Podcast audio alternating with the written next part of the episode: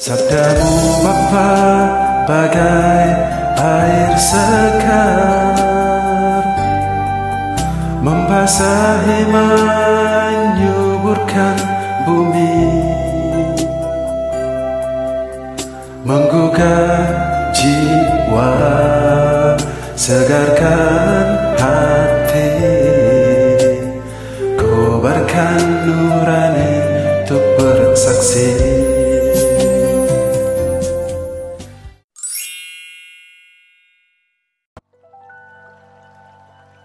Pada suatu hari, Yesus berangkat meneruskan perjalanannya.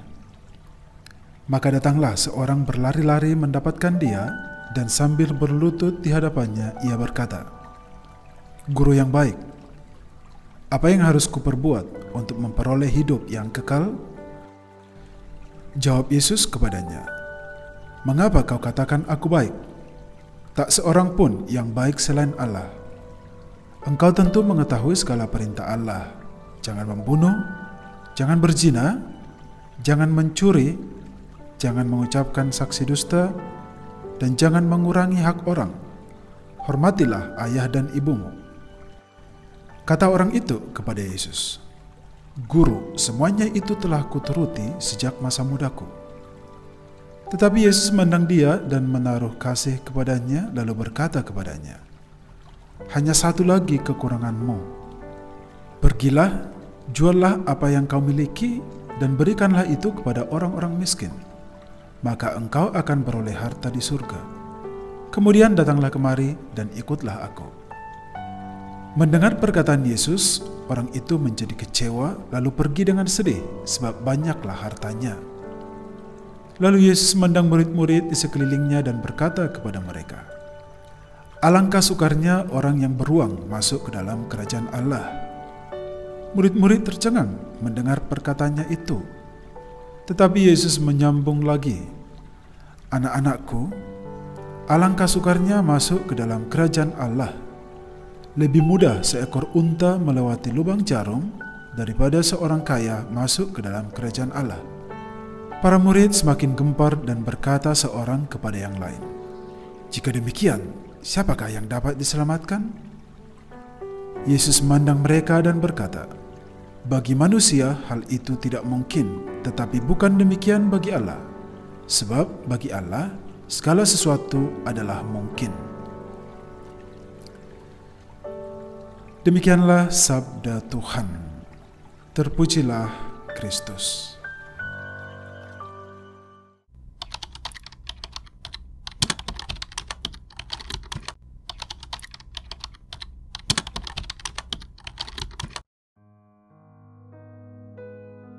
Saudara-saudari terkasih, salah satu nambahan hidup manusia adalah hidup berkelimpahan, bergelimang harta, atau kaya raya. Setiap orang berlomba-lomba untuk hidup seperti itu. Jarang-jarang kita melihat ada orang yang ingin hidup miskin dan melarat. Jarang banget. Nah, untuk hidup kaya raya, manusia melakukan banyak hal seperti bekerja. Cara bekerjanya juga bermacam-macam, ada orang yang bekerja dengan cara yang halal, ada pula orang yang bekerja dengan cara yang tidak halal seperti mencuri, merampok, korupsi, menipu, dan lain sebagainya. Satu hal yang patut kita sadari adalah kalau ada orang yang kaya raya karena hasil kerja kerasnya sendiri, itu patut dihargai. Tetapi kalau kekayaannya itu didapatkan dengan cara yang tidak baik, itu sangat disayangkan. Jadi, coba Anda bertanya kepada diri Anda sejenak. Segala yang Anda miliki sekarang ini Anda dapatkan dengan cara apa? Cara halal atau tidak halal? Kalau Anda mendapatkannya dengan cara halal, silahkan disyukuri. Tetapi sebaliknya, kalau segala sesuatu yang Anda miliki sekarang ini Anda dapatkan dengan cara yang tidak halal, silahkan tangisi diri Anda karena semua itu akan membawa Anda ke neraka suatu saat nanti. Saudara-saudari terkasih, dalam Injil yang saya bacakan tadi dikisahkan bahwa seseorang bertanya kepada Yesus tentang apa yang harus dia lakukan untuk memperoleh hidup yang kekal. Yesus menjawab dia, Pergilah, juallah apa yang kamu miliki dan berikanlah itu kepada orang-orang miskin, maka kamu akan memperoleh hidup yang kekal. Kemudian datanglah kemari dan ikutlah aku. Lalu apa yang terjadi? Apakah seseorang itu mau melakukan apa yang diminta oleh Yesus itu kepadanya? Ternyata tidak. Dia malah pergi dengan kecewa karena dia memiliki banyak harta. Kemudian, melihat gelagat seseorang itu, Yesus berkata kepada murid-muridnya, "Orang kaya sulit masuk kerajaan surga. Lebih mudah seekor unta masuk ke dalam lubang jarum daripada seorang kaya masuk ke dalam kerajaan Allah." Saudara-saudari, siapakah orang kaya yang dimaksud oleh Yesus dalam konteks ini? Apakah semua orang kaya yang ada di dunia ini tidak akan masuk surga suatu saat? Karena ternyata ada begitu banyak orang kaya yang baik hati, suka membantu, suka menderma dan menolong orang lain. Apakah mereka-mereka itu nanti tidak akan masuk surga? Tentu tidak. Nah, ternyata orang kaya itu banyak jenisnya. Ada orang kaya yang kikir dan sombong, ada orang yang kaya dengan kelaliman, kejahatan. Ada orang yang sok kaya. Ada orang yang kekayaannya nanggung tapi sombong banget gitu loh. Selama ini saya mengenal banyak orang kaya. Orang yang benar-benar kaya rata-rata itu baik hatinya.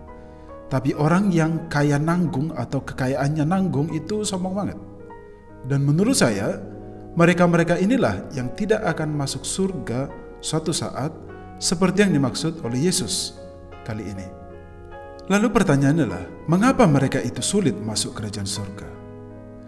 Karena banyak dari mereka itu menjadi hamba kekayaan, mendewa-dewakan apa yang mereka miliki, sehingga kekayaan yang mereka miliki itu membuat mereka tidak membutuhkan Tuhan lagi. Saudara-saudari terkasih, kalau orang kaya sulit masuk kerajaan surga, Lalu siapakah yang gampang masuk kerajaan surga? Jawabannya adalah orang miskin. Tetapi orang miskin yang seperti apa dulu? Sebab tidak semua orang miskin pasti masuk surga. Mengapa saya katakan begitu? Karena ternyata ada begitu banyak orang miskin yang jahat, suka mencuri, menipu orang lain, sukanya meminta-minta tetapi malas bekerja. Dia sudah miskin, jahat lagi, dia sudah miskin, sombong lagi.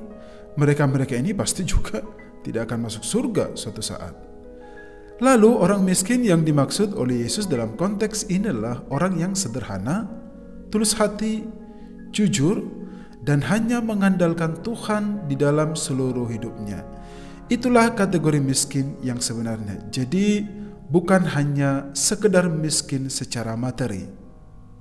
Saudara-saudari, Suatu saat kita masuk surga atau tidak, itu tergantung dari cara hidup kita di dunia ini dan saat ini juga. Tidak ada cara lain. Mungkin Anda tidak menyadari bahwa ternyata kita semua adalah kategori orang kaya di hadapan Allah. Mungkin Anda adalah orang yang kaya secara materi karena kerja dan usaha Anda. Tapi Anda jangan putus asa, sebab Anda bisa menjadikan kekayaan itu sebagai sarana bagi Anda untuk menyalurkan berkat bagi sama.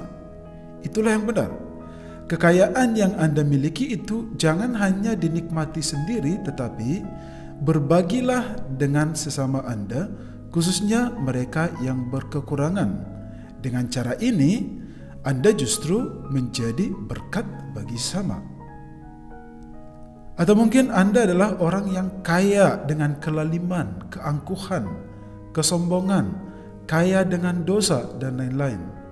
Kalau Anda termasuk dalam kategori ini, hanya satu pesan saya yaitu segeralah bertobat sebelum terlambat. Atau mungkin Anda adalah kategori orang yang benar-benar miskin harta tetapi kaya dengan hati. Oleh karena itu, pertahankan itu sebab kaya dengan hati lebih utama dari segala-galanya. Saudara-saudari terkasih, Lewat sabda Tuhan kali ini, kita dipanggil untuk meninggalkan segala hal yang membuat kita jauh dari Tuhan, termasuk harta kekayaan. Meninggalkan maksudnya di sini adalah jangan terlalu terikat kepada harta kekayaan Anda. Karena ternyata begitu banyak orang yang terlalu terikat dengan harta yang dia miliki sampai dia tidak mempunyai waktu untuk orang lain.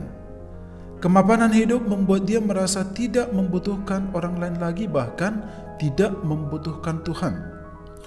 Maka kali ini marilah kita mencontoh kehidupan para kudus atau santo-santa dalam gereja kita.